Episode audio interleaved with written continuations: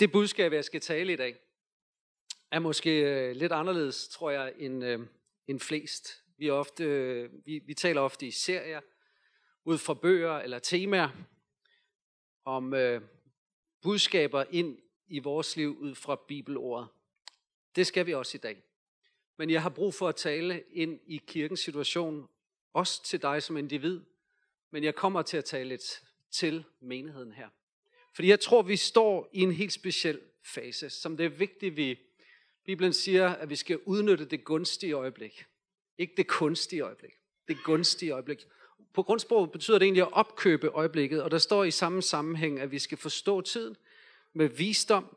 Og jeg oplever, at der er noget, Gud vil gøre, som er vigtigt, vi forstår. Hvad det er, han vil gøre, hvordan han vil gøre det, og hvad vilkårene er for det, han vil gøre. Det skal ske derefter. Det er det budskab, jeg oplever, Jesus har givet mig til i dag.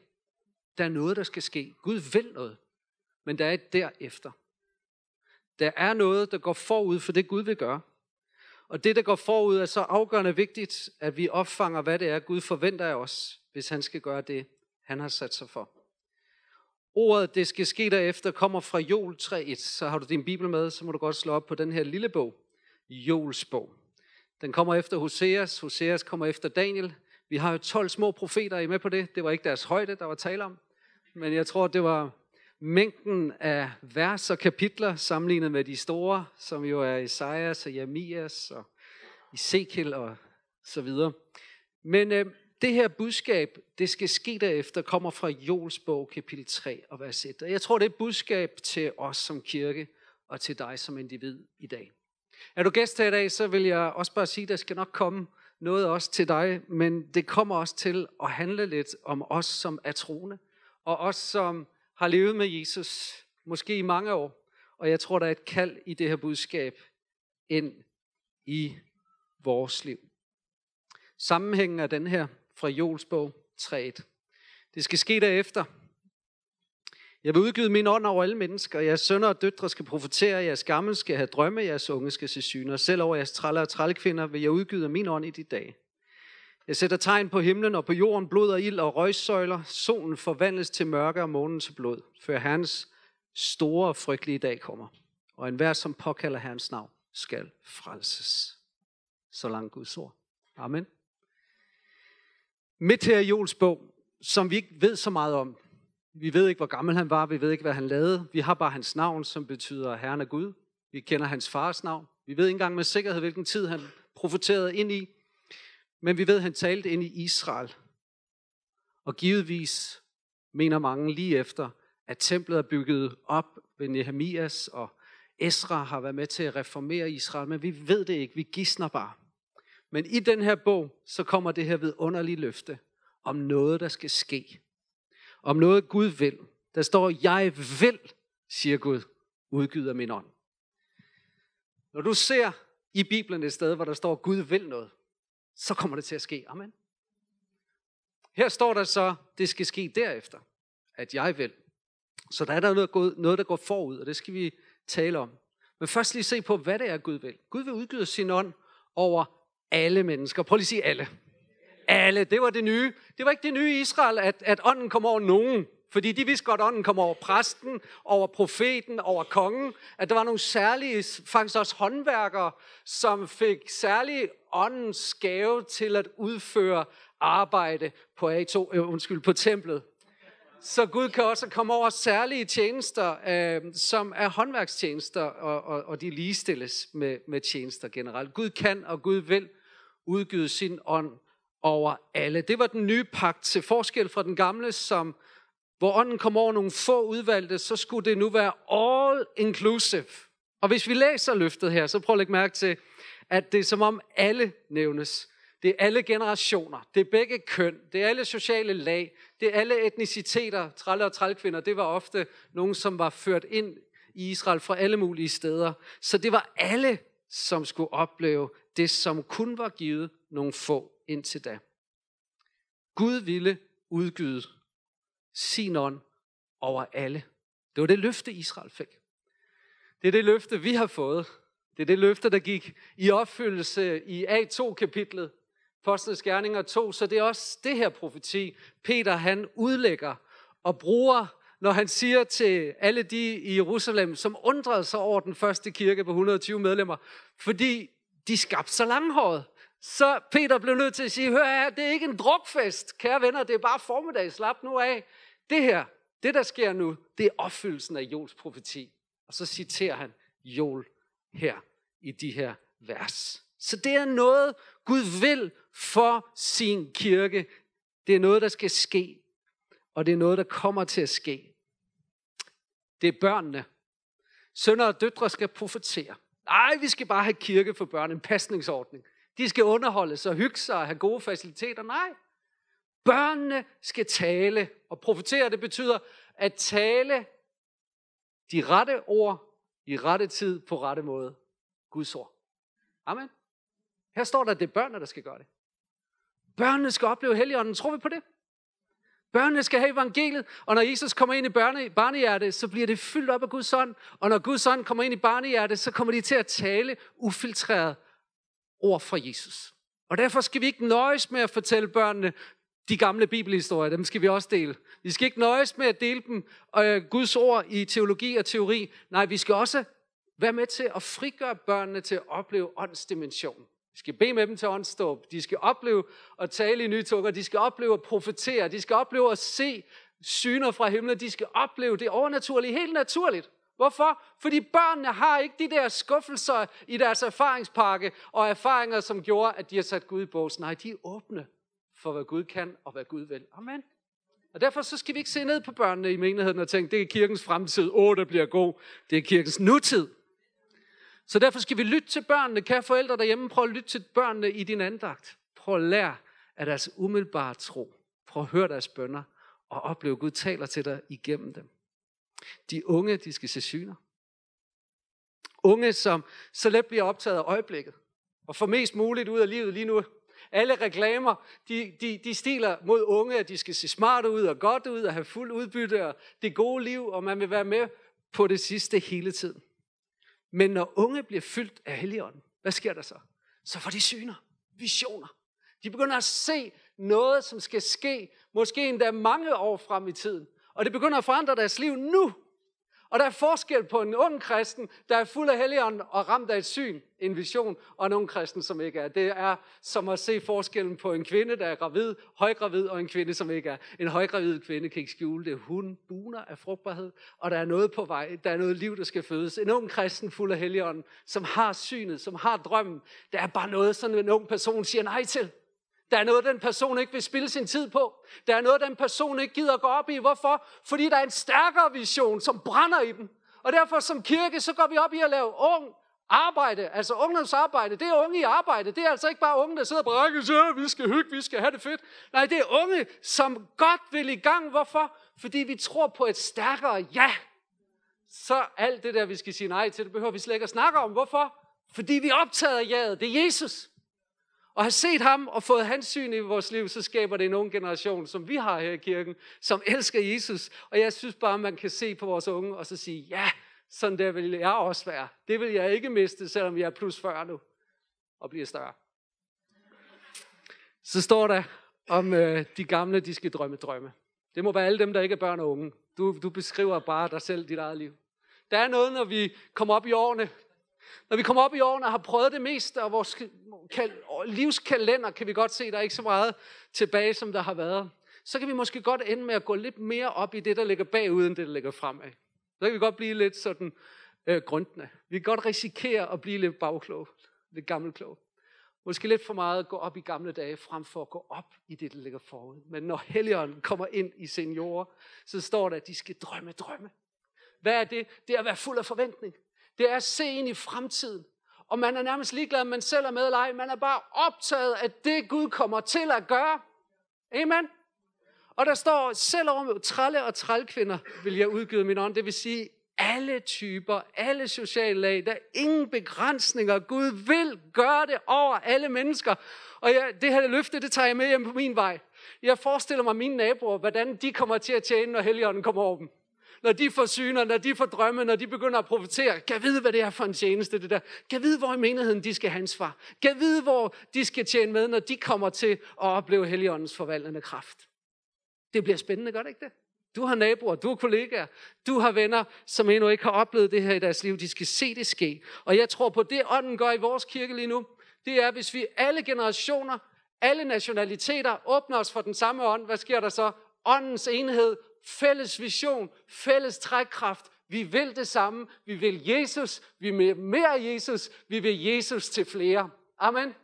Og der, hvor det sker, så sker der noget så er det som om profeterne, de ser bjergtoppene i Gamle Testamentet. De ser ikke alle de der dale. Så når du ser profetien her, så kommer der pludselig noget om tegn på himmel og blod og ild og røgsøjler og solen formørkes. Det er som om profeten ser pinsedag, åndsudgivelsen efter Jesu død og opstandelse, så ser han også Jesu andet komme, hans tilsynekomst, og hvad der sker efter det. Og hele Jols bog handler om den store dom, hvor alle nationerne skal føres frem i afgørelsens dag, og der er nogen, der prædiker over det som et evangelistisk budskab. Nu skal du afgøre, om du vil det ene eller det andet med dit liv. Men jeg vil lige sige, afgørelsens dag, det er Gud, der har truffet en afgørelse, og på det tidspunkt er det for sent at lave om på sin. Gud har truffet sin. Der vil han straffe al ondskab, der vil han straffe al synd, og der vil han straffe alle nationer i forhold til, hvordan de har givet over for hans folk, jøderne. Og han kommer til at føre dem frem nation for nation i afgørelsens dag. Derfor er det afgørende, at vi lever i det fokus, som Helligånden vil skabe, at enhver, som påkalder Herrens navn, skal frelses. Alt, hvad Helligånden gør i vores liv, når han er blevet udgivet af Gud, det handler om én ting. Det handler om, at vi skal elske Jesu navn. Vi skal efterfølge Jesus, elske Jesus, tjene Jesus, blive fyldt af Jesus. Det er det, Helligånden er kommet for. Han er kommet for, at vi skal fyldes af kærlighed til Jesus. Hvordan kan du kende øh, en, en åndsfyldt kristen? Er det en, der råber og skriger og hænger og dingler i de lysekroner, vi de så ikke har haft råd til herinde? Det kan det godt være. Og nogle gange måske mere end dem, der bare sidder og surmuler. Men jeg tror, det stærkeste, mest sikre kendetegn på en åndsfyldt troende, det er en person, der elsker Jesus. Amen. En person, der elsker Jesus, det er en person, som er fuld af Helligånden. En person, der bekender Jesu navn, for ingen kan sige, Jesus er Herre, uden ved Helligånden, siger Paulus. Amen. Så det skal ske derefter, men efter hvad? Gud han vil udgive sin ånd. Han vil gøre det. Han vil gøre det i Aalborg. Han vil gøre det i os og gennem os. Øhm, men hvad er det, der ligger forud? Hvorfor siger profeten, det skal ske derefter? Hvad er det for et derefter i Jols bog? Og der må vi vende os til det oprindelige profeti her i Jols bog, for at få svar på det. Og så må vi tolke, hvad der sker i bogen op til, at det her profeti løfte kommer. Fordi det er givet, at det henviser til noget, som Joel siger tidligere i samme bog. Og det vi ser tydeligt i den bog, det er, at Israel er i en situation, hvor de totalt haves af græshopper. Der er kommet græshopper i millioners mængde. Faktisk omtales de med fire forskellige navne. Det er æder, det er græshopper, det er gnaver osv. Nogle mener, det er fire forskellige sæsoner, fire forskellige år, hvor Israel har været over sådan en plage, som man jo genkender, hvis man kender sin bibelhistorie fra den plage, Gud sendte over Ægypten. Græshoppeplagen, nu kommer den over hans eget folk, fordi de ikke adlød.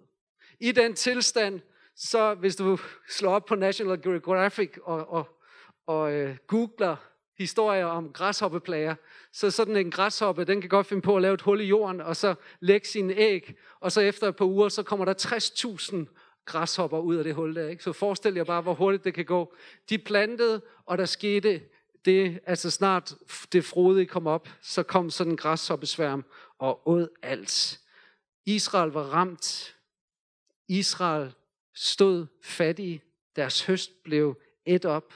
Der var ingen offringer længere i templet. Israel var i knæ. Guds folk var i knæ. Og det er den virkelighed, Joel han taler ind i, når han kommer med tre kald som er de tre kald, som jeg oplever, Jesus kalder os med som menighed i dag. Er I klar til at modtage? Okay, så er I også selv under det. Udråb en hellig faste, vers 14 i kapitel 1. Udråb en sørgefest. Saml de ældste og alle landets indbyggere i Herren jeres Guds hus og råb til Herren. I den situation, hvor jeg har indset virkeligheden, hvor I har set, at Guds folk lever ikke i den arv, som vi egentlig er kaldet til. At det mål, Gud havde sat for hans folk, er i løfteslandet. Der står endda i nogle vers her i kapitel 1, at, at Gud siger, mit land, mine træer, mine fine træer, mine vinstokke, han tager ejerskab af løfteslandet og nærmest sørger med folket over Israel, løftelandets tilstand. Og vi må bare, når vi ser på vores tilstand, så må vi rammes af den virkelighed, og i den virkelighed, så kommer det profetiske ord, udråb en hellig faste, udråb en sørgefest, saml de ældste, og alle landets indbyggere i Hernias Guds hus, og råb til Herren. Vi ved alle sammen, at vi skal bede. At bede, det er som at snakke med Gud, og faste, det er som at råbe til Gud. Jamen, faste, det er kun gammelt testament. Jamen, Jesus underviste sine disciple i faste. Og han ligestillede fasten med det at bede og give almisse, og så siger han ikke, hvis I beder, eller hvis I faster, eller hvis I giver almisse, men han siger, når I beder, når I faster, når I giver almisse. Han regnede det som en selvfølge, vi havde en åndelig disciplin, hvor de her aktiviteter fulgte vores tro. Og ind i den virkelighed, så kaldes vi også i dag til en kollektiv faste, en fælles faste.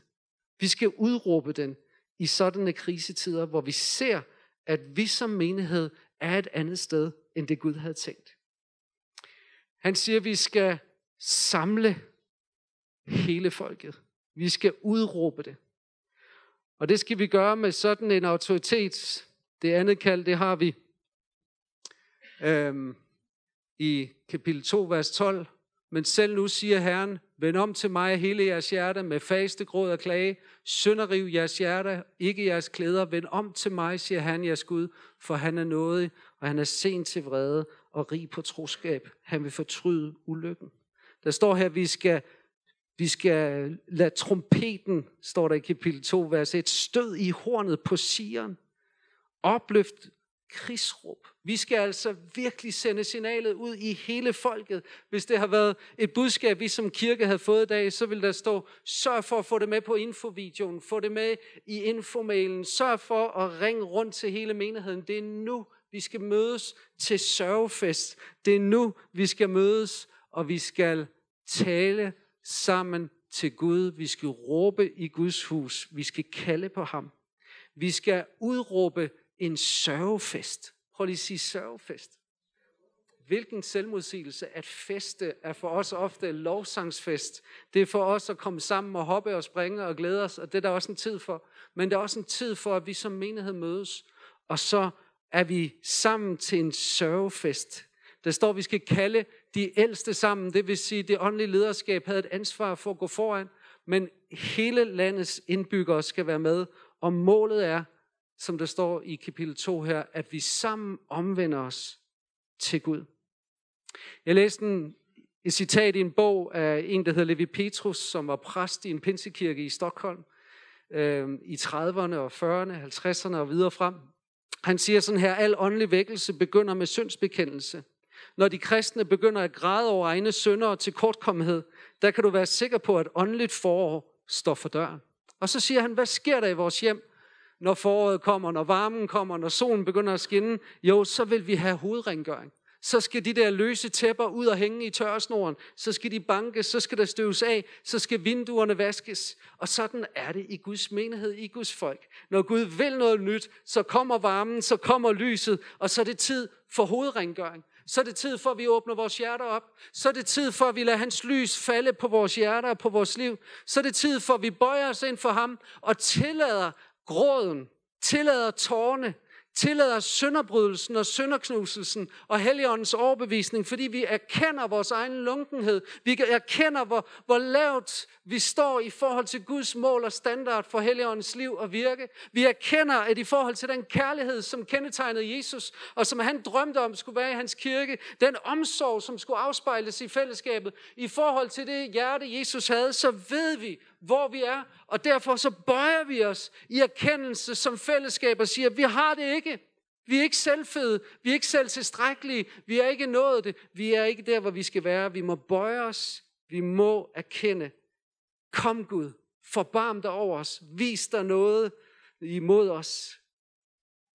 Det tredje kald lyder stød i hornet på Sion. Udråb en hellig faste. Udråb en sørgefest. I skal samle folket og hellige forsamlingen. I skal bringe de ældste sammen og spæde.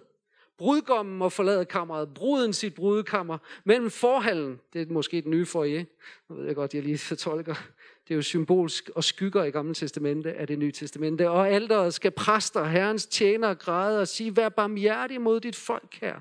Gør ikke din ejendom til spot, så folkeslagene håner den. Hvorfor skal man sige blandt folkene, hvor er jeres Gud? Der er altså et kald til alle generationer. Der er et kald til ledere.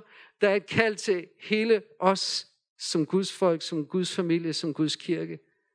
Til at erkende vores skam, erkende vores nederlag, erkende vores lunkenhed, og så sammen råbe til Gud, vær barmhjertig mod den her by.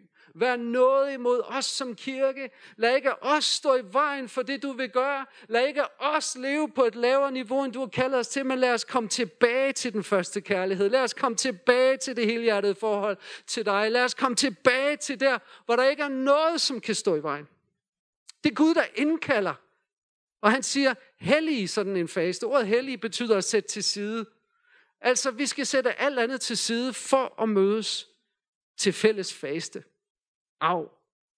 Hvordan, det ved jeg ikke. Jeg ved bare, når jeg indkalder i ny og næ til en samling i det her hus, det kan være et menighedsrådsmøde, det kan være koordinationsteammøde, det kan være så mange møder, så ved jeg, at der kan være forskellige grunde til, at forskellige ikke kommer. Og jeg ved, at øh, når de ikke kommer, så har jeg endnu ikke prøvet, at nogen ringer til mig et par uger efter og siger, åh, Dan, kunne vi ikke mødes til noget sjælesorg? Jeg har simpelthen brug for at vende noget med dig. Der var et møde her for en tre uger siden, jeg gik glip af. Jeg er simpelthen så ked af det. Jeg har så svært ved at komme over det, fordi jeg tænker på alt det udbytte, I havde der, uden jeg var en del af det. Jeg tænker på, jeg simpelthen ikke kunne sove om natten siden, og det, jeg er gået glip af i mit liv siden da, det har jeg ikke oplevet.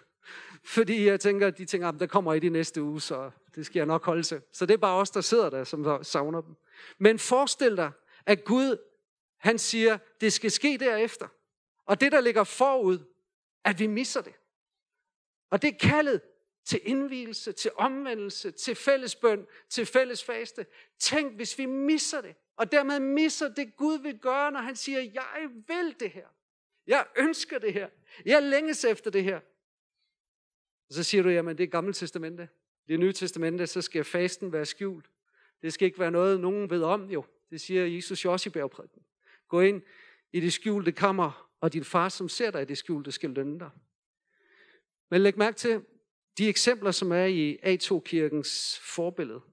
Der står i Apostlenes Gerninger 13, at mens de holdt gudstjeneste og fastede, og det var lederskabet i menigheden i Antiochia, de holdt gudstjeneste, det vil sige, de tjente Gud før de tjente mennesker, og fastede, sagde Helligånden, udtag Barnabas og Saulus til det arbejde, jeg kalder dem til. Og da de havde fastet og bedt og lagt hænderne på dem, sendte de dem afsted. Så der var en fælles faste også i den første kirke. Det blev en praksis, som de gav videre til de øvrige kirke. I Apostlenes Gerninger 14.23 står der, i hver menighed udpegede de derpå ældste for dem, og efter bøn og faste overgav de dem til Herren, som de var kommet til tro på. Så det er tydeligt, at der var en praksis af fælles faste. Jeg ved ikke, hvordan de gjorde det. Det står der ikke så meget om. Jeg tror heller ikke, det er det afgørende.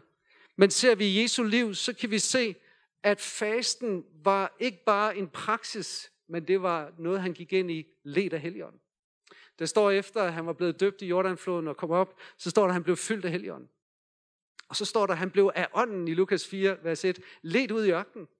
Og der var han fastende i 40 dage. Og han blev konfronteret blandt andet med satans fristelser, og tre gange modstod han ham med Guds ord. Og så står der, i åndens kraft vendte han tilbage fra ørkenen. Så der var noget af åndsudgydelsen over Jesu liv, som først blev aktiveret efter faste. Og jeg tror, at den dimension af det, vi skal opleve af forvandling i vores by, at det, vi skal opleve i børnegenerationen, ungdomsgenerationen, voksengenerationen, jeg tror, der er dimensioner af det, som vi først får lov at se i fuld flor derefter. For det skal ske derefter, siger Herren. Og derefter er altså ikke bare, at vi sidder og venter på det og siger, Gud, nu må du, du må gøre, hvad du har lovet. Nej, der er derefter tre kaldelser til fælles bøn, fælles faste, omvendelse, indvielse, til at lade foråret komme med sin hovedrengøring, til at græde sammen. Noget af det farligste i Guds kirke, det er den tårløse tro. Det er laudikære tro, hvor vi siger, jeg er rig, jeg mangler ikke noget. Og Jesus måtte give den hårdeste diagnose til den kirke, som var tårløs i deres tro. For han måtte sige til dem, ved du ikke, at du er blind? Du er du, du, du ser ikke det, du skal se. Du er fattig.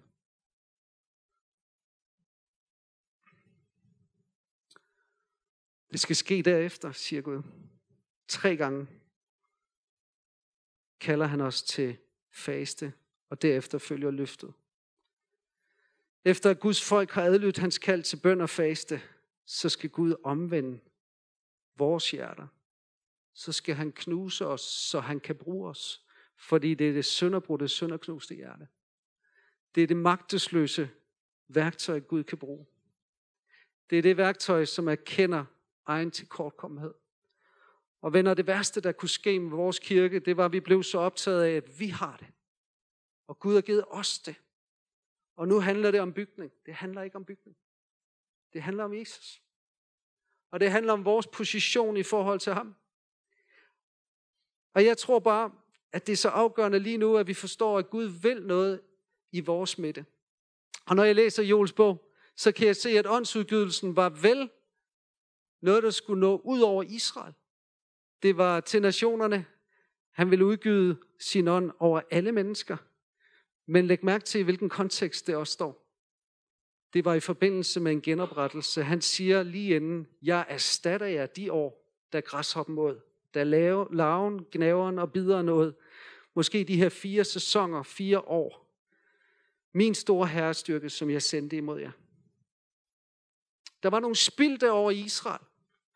Og i stedet for Gud, han nøjes med at sige, der kommer noget ud i fremtiden, så siger han faktisk, jeg vil erstatte, jeg vil kompensere, jeg vil genoprette. Så åndsudgivelsen kom som en del af Guds genoprettelse af sit folk. Og jeg har et budskab til dig, nu bliver jeg personlig. Hvad er sådan et græshoppeår, som Gud vil erstatte i vores liv? Jeg har nogle bud på det. Og jeg tror måske, du vil kunne se dig selv i nogle af de her beskrivelser. Det ene bud, det er, at det er et år, eller det er år. Årvis. Spild det år. År, hvor du oplever, der tabte du noget, der mistede du noget. Du ved godt, du får ikke den tid tilbage. Men Gud kommer nu med løftet om genoprettelse, om erstatning, som en forsikringsassurandør, som kommer ind og siger, du skal lige vide, fordi du kender mig, fordi du er i pagt med mig, så vil jeg give dig en erstatning for den lidelse, du har været igennem. Det kan være, at du har haft nogle år uden frugt. Som Israel oplevede det, de pløjede, de såede, de vandede, de plantede. Men så kom græshoppen og åd det hele. Og det kan være, at du i årvis har givet dig hen til noget, som ikke har haft nogen høst. Og du lider under tanken om alle de år, der bare smuttede og gik op i røg. Det kan være dit job, virksomhed, det kan være tjeneste for Gud. År uden frugt. Jeg vil erstatte de år, der græshoppen måde. Hører du det? Jeg vil erstatte det. Du kan ikke lave om på dit liv, men Gud kommer og siger, jeg vil kompensere for det. Det kan også være, at du har gennemlevet smertefulde år, sorgfulde år, med tab, sygdom, dødsfald, hvor du har levet i savn. Gud han kommer i dag og siger, jeg vil erstatte, jeg vil genoprette. Der hvor græshoppen har et, en del af den erstatning af min ånd, som jeg vil udgyde over dig. Det kan være, at du har oplevet splittelsens år. Måske din familie er blevet smittet, øh, splittet. Du har været igennem skilsmisse eller krise. Det kan være splittet ægtefælder imellem, familie imellem, børn imellem. Gud vil erstatte, han vil komme med sin ånd, han vil hele, han vil læge, han vil forsone, han vil genoprøre Det kan være kirkeligt. Du har oplevet, at nogen har gjort dig ondt. Det kan være, det er mange år siden, at du har oplevet, at nogen har talt sårende ord ind i dit liv. Man kan slå sig på kirke. Og du kan opleve, at der sidder ting i dit liv, men han siger, at jeg vil erstatte det. Det kan være selviske år. År, hvor efterfølgelsen og selvfornægtelsen gik op i røg til fordel for komfort og karriere, hvor du levede måske i lunkenhed og åndelig sløvhed. Og pludselig så kom den her åndelige opvågning, og du så, ej, jeg spildte de år. Det var ikke der, jeg levede for Jesus. Det var der, jeg levede for mig selv. Selv der, kære ven, kommer Gud i dag og siger, jeg vil erstatte de år. Du siger, jamen det er jo selvforskyldt Gud. Jamen Gud er noget, Gud er barmhjertig, og han erstatter langt ud over, hvad vi fatter og forstår. Oprørernes år. Årene med forkerte valg, hvor du sagde nej måske til et kald, du bare ved, det skulle du have fulgt. Du gjorde det ud af frygt. Du sprang på den forkerte uddannelse, tog det forkerte job, flyttede det forkerte sted hen. Gud han kommer, og han erstatter. Det kan være kristusløse år. Jeg tror, har, har nogen af jer spurgt nogen, som er kommet til tro på Jesus, og så spørger dem ad, hvis de gjort det i en moden alder, har du, er du glad for, at du gjorde det så sent? Så tror jeg, de fleste vil sige, nej, gid jeg havde gjort det som ung. Er det rigtigt? Gid jeg havde gjort det som ung. For alle de år uden Kristus. Ven, Gud erstatter de år. De sidste skal blive de første. De første skal blive de sidste. Gud vil genoprette. Han vil hele. Der står, han, han vil, at vi skal spise og blive mætte, og vi skal lovprise Herren vores Guds navn, når han handler underfuldt med os. Gud kommer til at handle underfuldt med dig. Så du får en, en lovsang, en tilbedelse, en historie at fortælle. Og der står videre, lige inden løftet så kommer, mit folk skal aldrig blive gjort til skamme. I skal forstå, jeg er hos Israel, altså Gud er nær hos os. Jeg er Herren jeres Gud, der er ingen anden. Mit folk skal aldrig blive gjort til skamme. Det skal ske derefter, at jeg vil udgyde min ånd over alle mennesker. Amen. Så afslutningsvis, så har jeg bare lyst til at minde jer om, at på pinsedag, der står, der står Peter frem, og så siger han, her sker det, som er sagt ved profeten Joel. Det skal ske i de sidste dage. Nu tolker Peter på det her ord, det skal ske derefter. Og så tolker han det ind i den her kontekst, og så siger han, vi er nu, kære Jerusalem, alle jer, der står og ser på de her 120, som har oplevet opfyldelsen af Jols profeti, for de fik alle en tunge som er ild. Alle 120 blev fyldt med helligånden. Der var ikke bare nogle få, det var alle sammen. Det skal ske i de sidste dage, siger Gud.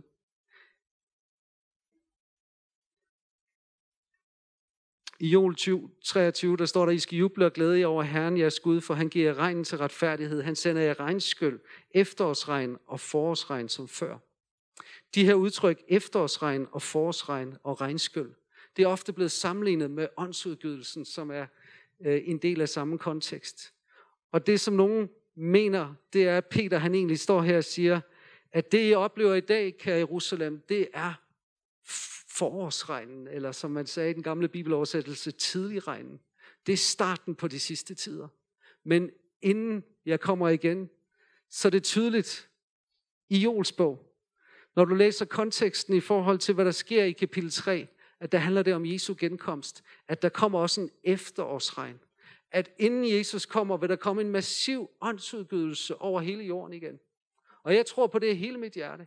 At vi lever i den sidste tid, og jeg tror, at Jesus kommer snart. Og jeg tror på, at vi kommer til at opleve en efterårsregn. Jeg tror, vi kommer til i den her periode, vi, vi går ind i nu, ud over kloden og se Gud, han udgyder sin ånd som aldrig før. Og jeg kan huske, jeg har oplevet på enkelte gange, for eksempel når vi havde alfakursus øhm, på Sjælland i, i København i en kirke der. Vi var 100 kursister. Jeg kan huske, det er første gang, jeg oplevede det, at mens vi stod og talte, så skete det, som Peter også oplevede i Cornelius' hus. Pludselig kom Helligånden over de her, undskyld mig, total kirkefremmede, jeg vil lige vil sige betonhedninger. De vidste intet om noget. Pludselig sidder de og taler i tunger. Og man står der og siger, hov, ho, ho I skal først lige frelses. Det er ikke rækkefølge. Men vi nåede ikke at bede til frelse med dem. Helligånden kom over dem, og så begyndte de at tale nye tunger. De vidste ikke, hvad det var, men de kunne ikke holde det inde. Og Gud udgød sin ånd der i kulhuset, som det hed, kulhuselejren. Og jeg, jeg kan bare huske, hvilket indtryk det gjorde på os. Vi måtte næsten stå der som præster, der underviste os, hvad er det, der sker her? Men det er jo Gud, der sådan længes, at når Peter står i Cornelius' hus og skal fortælle, at det her det er for alle, det er ikke bare for jøderne, det er for alle nationaliteter, så står der, mens han talte, kom Helligånden over. Så de kunne slet ikke vente til eftermødet, vel? Jeg ved, I sidder der og, åh, stop nu, så vi kan komme til at bede for hinanden, ikke? Fordi jeg vil have det der. De var så tørstige, de var så sultne, at Helligånden kom over dem lige, hvor de var. Og de begyndte at tale i nye tunger og profetere. Det skal ske derefter. Jeg ved ikke, hvad det betyder for dig. Jeg kommer ikke til at udråbe faste for alle vores håndværkere. De skal spise sig med i fede retter. De skal blive ved med at have grillpølser derude. Jeg kommer ikke til at udråbe fast over nogen, der ikke er klar, eller vil, eller ønsker det. Jeg kommer bare til at være lydig mod Guds ord, og så vil jeg sige, at jeg oplever, at Jesus siger, at det skal ske derefter. Gud vil udgyde sin ånd på dimensioner, vi aldrig har set og oplevet før. Jeg spørger bare, vil du også opleve det? Så er der tre kaldelser, som vi har været igennem her i Jols bog. Og det er et kald til fælles faste, fælles bøn, fælles indvielse, fælles omvendelse. Og det er et kald til at nå dertil, hvor du indser din egen situation til kortkommenhed, sløvhed, lunkenhed, forsømmelsessynder, hvor du bare kender i forhold til det kald til at leve i Gud nær, til at være i hans ord, til at være i bønden, så har du lavet alt muligt andet tage pladsen. Og jeg tror, kære venner, hvis vi virkelig er ærlige og lader Helligåndens forårssol varme vores hjerter og lyse os op, så må vi bare kende, åh oh, Gud, der er perioder her, vi må faste fra tv, vi må måske faste fra telefon, vi må faste fra Facebook, vi må faste fra nogle ting, for at få tid til dig igen.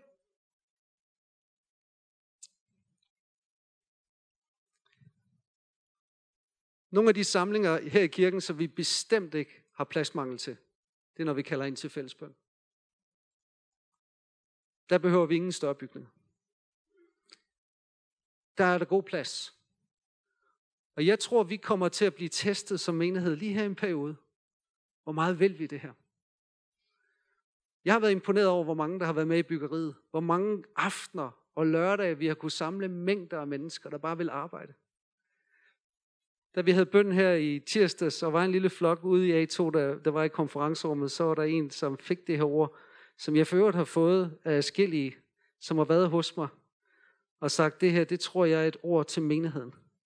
Og så er det det her ord, som er kommet fra Nehemias bog, hvor der står, fra dag af var den ene del af mine folk beskæftiget med arbejdet, mens den anden del stod væbnet med lange skjolde, buer og brynjer.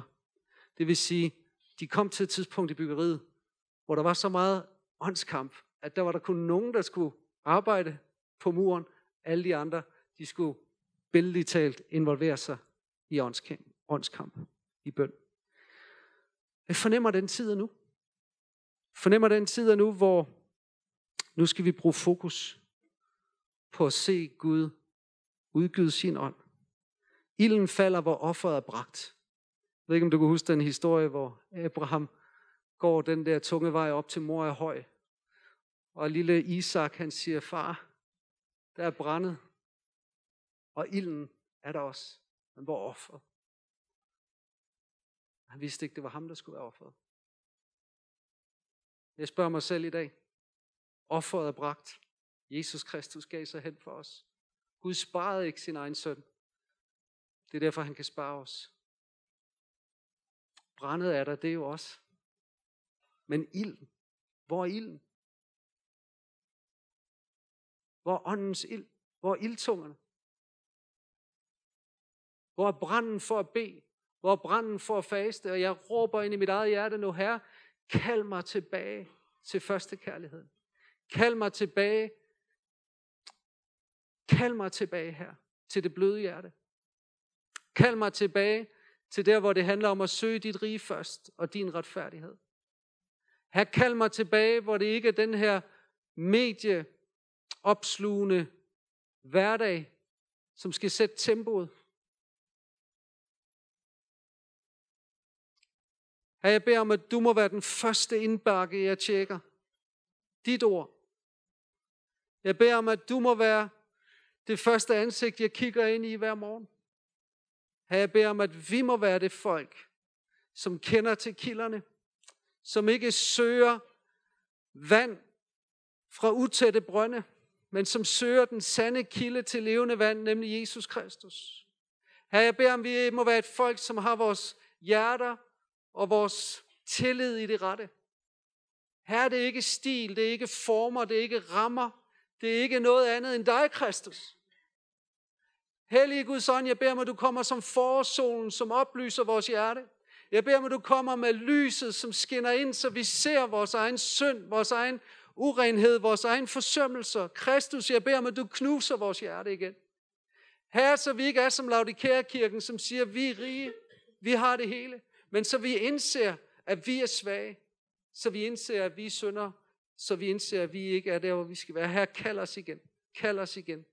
Hellige Guds ånd, jeg udråber en faste, en hellig faste. Jeg kalder de ældste, jeg kalder præsterne. Her jeg kalder lederne i kirken til at stille sig i front. Jeg kalder hele menigheden, alle generationerne, som længes og som tørster. Herre, vi råber til dig, vær nådig, vær barmhjertig over for dit folk i vores by. Herre, vær det over for os som kirke. Her, vi kalder noget ned over Aalborg. Her, vi beder om noget, og vi siger ikke tilgive dem deres synd, men vi, til, vi beder tilgive os vores synd.